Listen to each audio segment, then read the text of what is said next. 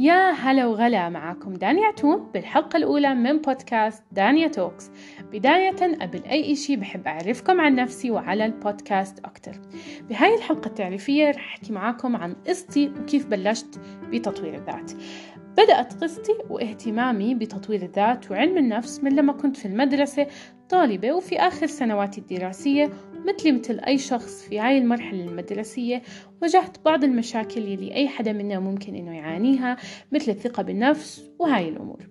بعدها صار عندي فضول إني أنا كيف ممكن إني أعرف كيف أحل مشاكلي وكيف إني أطور من نفسي وكيف إني أقوي من شخصيتي.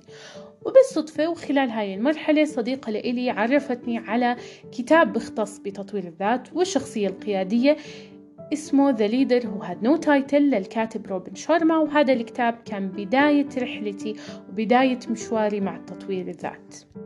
من وقتها وأنا بقرأ بكتب جديدة وأمور كلياتها متعلقة بتطوير الذات. وبسبب حبي وشغفي المستمر لتطوير الذات والقراءة واستماعي الدائم لكتير من قصص نجاحات الأشخاص ألهمني مشروع تيك توكس إني أبلش مشروعي وطريقي الخاص بهذا المجال وأصنع أول منصة بتخص تطوير الذات لحتى ألهم الناس وآخذ الإلهام منهم.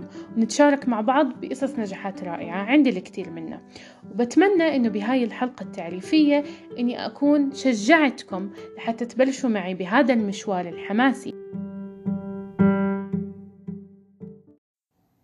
إذا عجبتكم هاي الحلقة وحابين تضلوا على متابعة بكل الحلقات لا تنسوا تعملوا اشتراك بالقناة وتفعلوا الجرس. بشوفكم عن قريب.